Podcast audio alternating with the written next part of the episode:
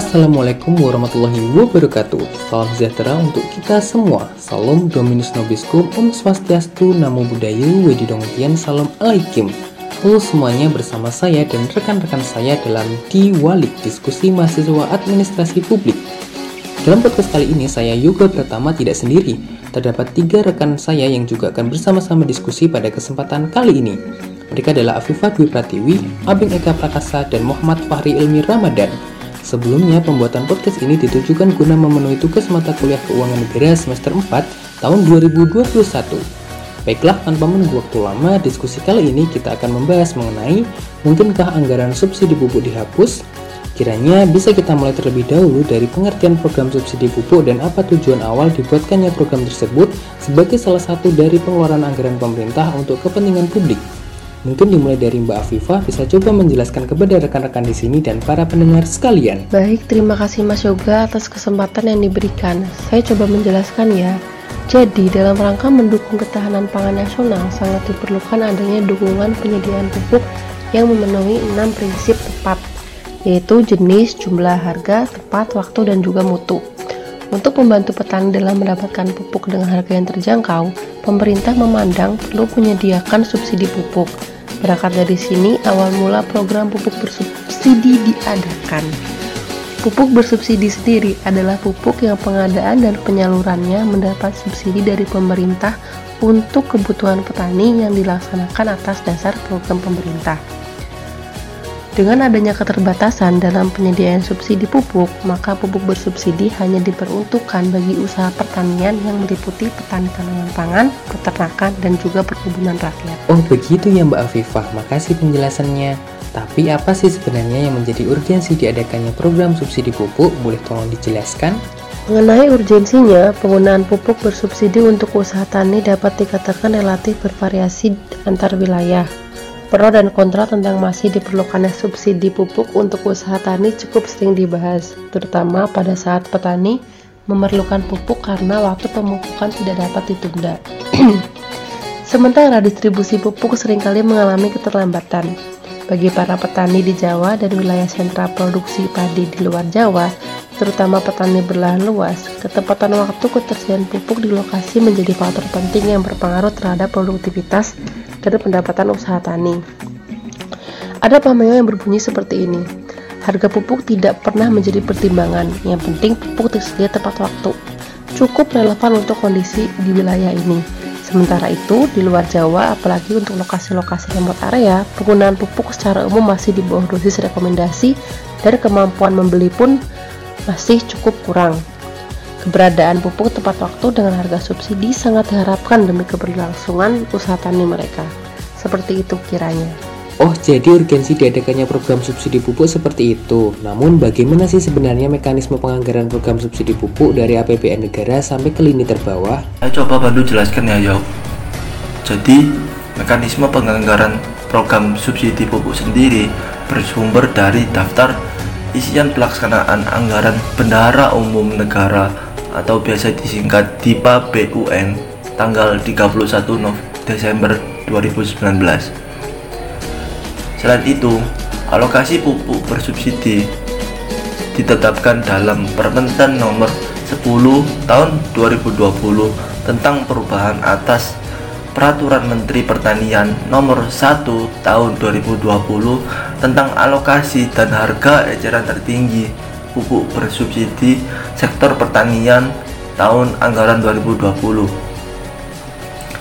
Dukungan operasional pengawalan terkait penyaluran pupuk bersubsidi tahun anggaran 2020 bersubsidi, bersumber dari Satuan Kerja Direktorat Jenderal Prasarana dan Sarana Pertanian yang dialokasikan melalui kegiatan verifikasi dan validasi pada dana dekonsentrasi dan tugas pembantuan. Jadi seperti itu. Oh alah, begitu toh mekanisme penganggaran program subsidi pupuk dari APBN negara. Eh, ngomong-ngomong bicara tentang subsidi pupuk, Presiden Joko Widodo dalam Rapat Nasional Pembangunan Pertanian di Istana Negara pada Senin 11 Januari 2021 merasa kesal lantaran mempertanyakan imbal balik dari besarnya suntikan subsidi pupuk yang diberikan negara untuk sektor pertanian saat ini. Dilansir dari data Kementerian Keuangan Negara, anggaran subsidi pupuk konsisten naik. Pada tahun 2014 dialokasikan dana sebesar 21,4 triliun rupiah. Di tahun 2019 anggaran terus naik menjadi 34,3 triliun rupiah. Selama periode pertama, pemerintahan Jokowi sudah menggelontarkan sekitar 175 triliun rupiah. Namun anggaran subsidi pupuk tersebut tidak berbanding lurus dengan peningkatan produktivitas pertanian. Nah, apa penyebabnya? Ada yang bisa menjelaskan nggak? Wah, pertanyaan yang menarik nih. Saya ingin mencoba menjawab yuk. Jadi, setelah saya membaca berbagai literatur serta berita-berita beberapa hari yang lalu, dapat disimpulkan bahwa pupuk ini sebenarnya sudah masuk dalam skema subsidi, tetapi pengadaannya diserahkan ke perusahaan yang ditunjuk pemerintah sehingga hasilnya buruk. Luar itu, pupuk subsidi juga kerap terlambat, bahkan sering kali tak sampai ke petani. Juga masih tetap mahal. Menurutnya, hal ini disebabkan karena birokrasi terlalu berlapis. Misalnya, eh, penyaluran diserahkan ke perusahaan dan kios penjual pupuk, dan petani yang harus terdaftar di kelompok tani agar namanya tercantum dalam sistem elektronik rencana definitif kebutuhan kelompok atau IRDKK. Oh jadi itu ya penyebabnya. Terus dengan anggaran yang sebesar itu, puluhan triliun rupiah jumlahnya yang digelontorkan dari APBN negara, apa sih manfaat yang diperoleh dari subsidi pupuk tersebut? Ini ok, jadi meskipun kebijakan subsidi pupuk yang selama ini diterapkan telah menimbulkan beberapa masalah seperti distribusi yang tidak adil dan tidak tepat sasaran serta dualisme pasar, namun ada manfaat yang besar dibaliknya yakni meningkatkan modal petani mendorong adopsi teknologi, serta meningkatkan produktivitas pendapatan petani. Eits, bentar dulu teman-teman, apakah manfaat tersebut dari kurun waktu yang ada selalu menunjukkan hasil yang positif? Mengingat data Food and Agriculture Organization atau yang biasa disebut FAO menunjukkan produksi sejumlah komoditas stagnan, bahkan menurun.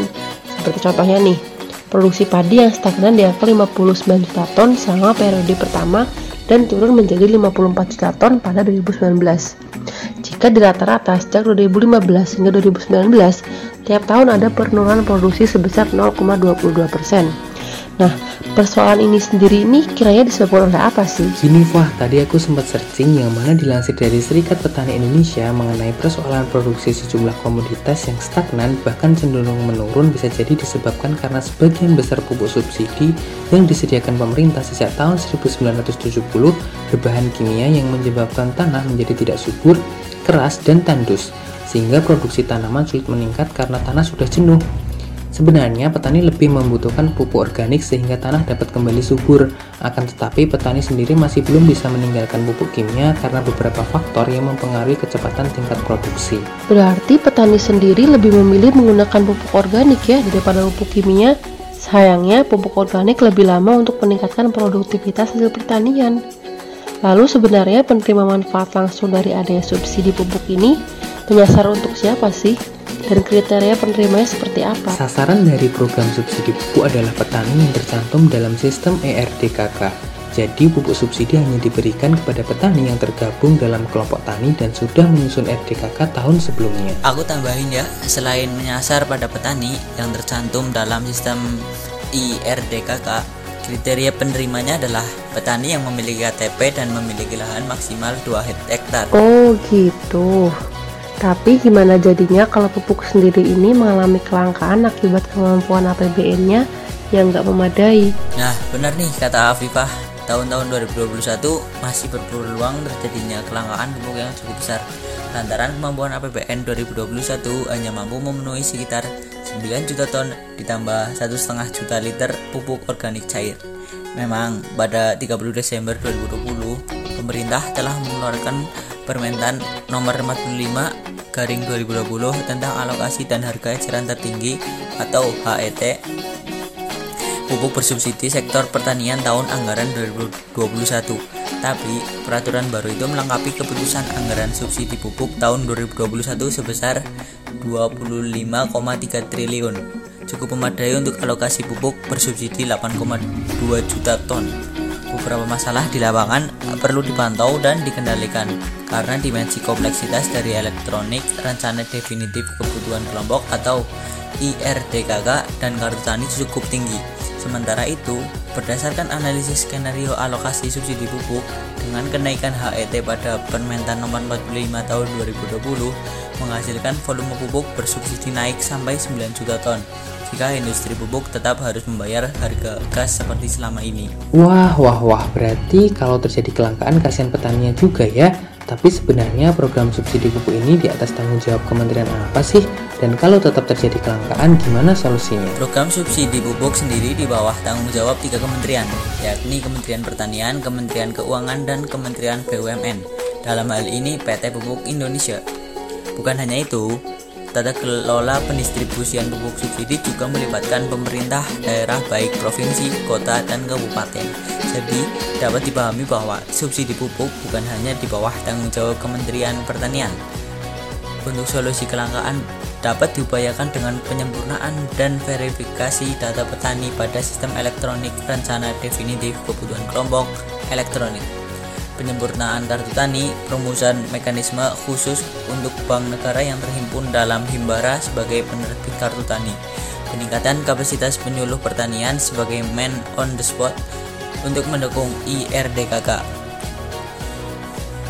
pendampingan petani, pengembangan pupuk organik dan hayati, mengembangkan usaha berbasis jasa, adaptasi jasa sains, teknologi informasi dan komunikasi, dan lain sebagainya.